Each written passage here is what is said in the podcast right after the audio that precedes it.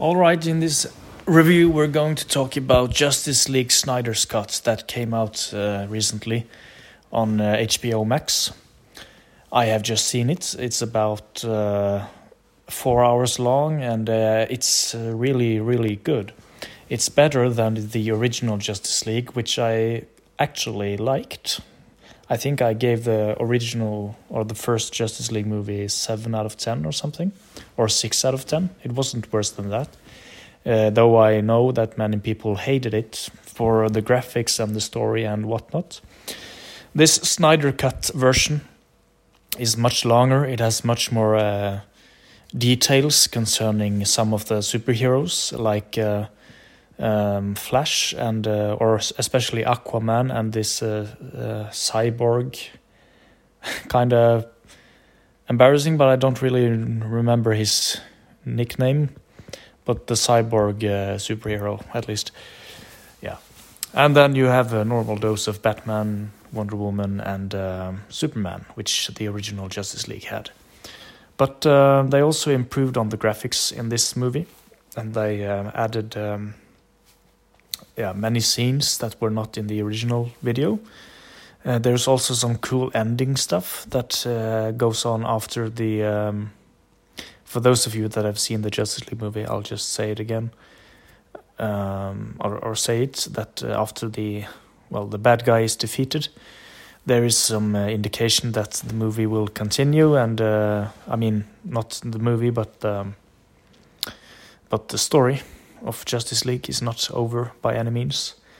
So uh, really cool to see what happens after the uh, original ending uh, of the movie. Yes, and um, I want to applaud uh, well the maker of this remake, if you can call it that um, for uh, having uh, a much more serious tone than the first Justice League had. This movie is not to be taken lightheartedly because it hardly has any humoristic uh, stuff in it. There's only a few sequences with Flash, which actually fits in uh, a bit though. But overall, the movie is much more serious and um, darker. It's a darker and more gray movie so if you're a fan of colors, you might get disappointed. Uh, but um, if you like the movies Man of Steel and uh, Batman versus Superman, this movie certainly goes in the same direction. And uh, yeah, well, for me it works. Though I would prefer to see a little a bit, a bit more colors there can be a lot of gray tones here, so um, they could uh, they could have had more colors, of course, but uh, I still think uh, this movie is really good, and uh, I really really enjoyed it. So uh, with that said, we're not gonna finish yet, because I of course have to say something about the. Um, the action sequences, were, which were really cool and uh, improved from the original movie. Um, they changed up a bit some of the fighting sequences against this uh, bad guy, and uh, also, even though I'm not so good with names and can't right now remember the name of the main bad guy here, there is uh, more uh, into him now and more. Um, there is more um, yeah, plot development and um, character development, maybe, or let's say that the bad guy he was bad from the start, but uh, still you get to see more of him and um, also some other bad guys actually, which is really cool. They're building up a better universe here than they did in the previous one, uh, which makes it all really exciting.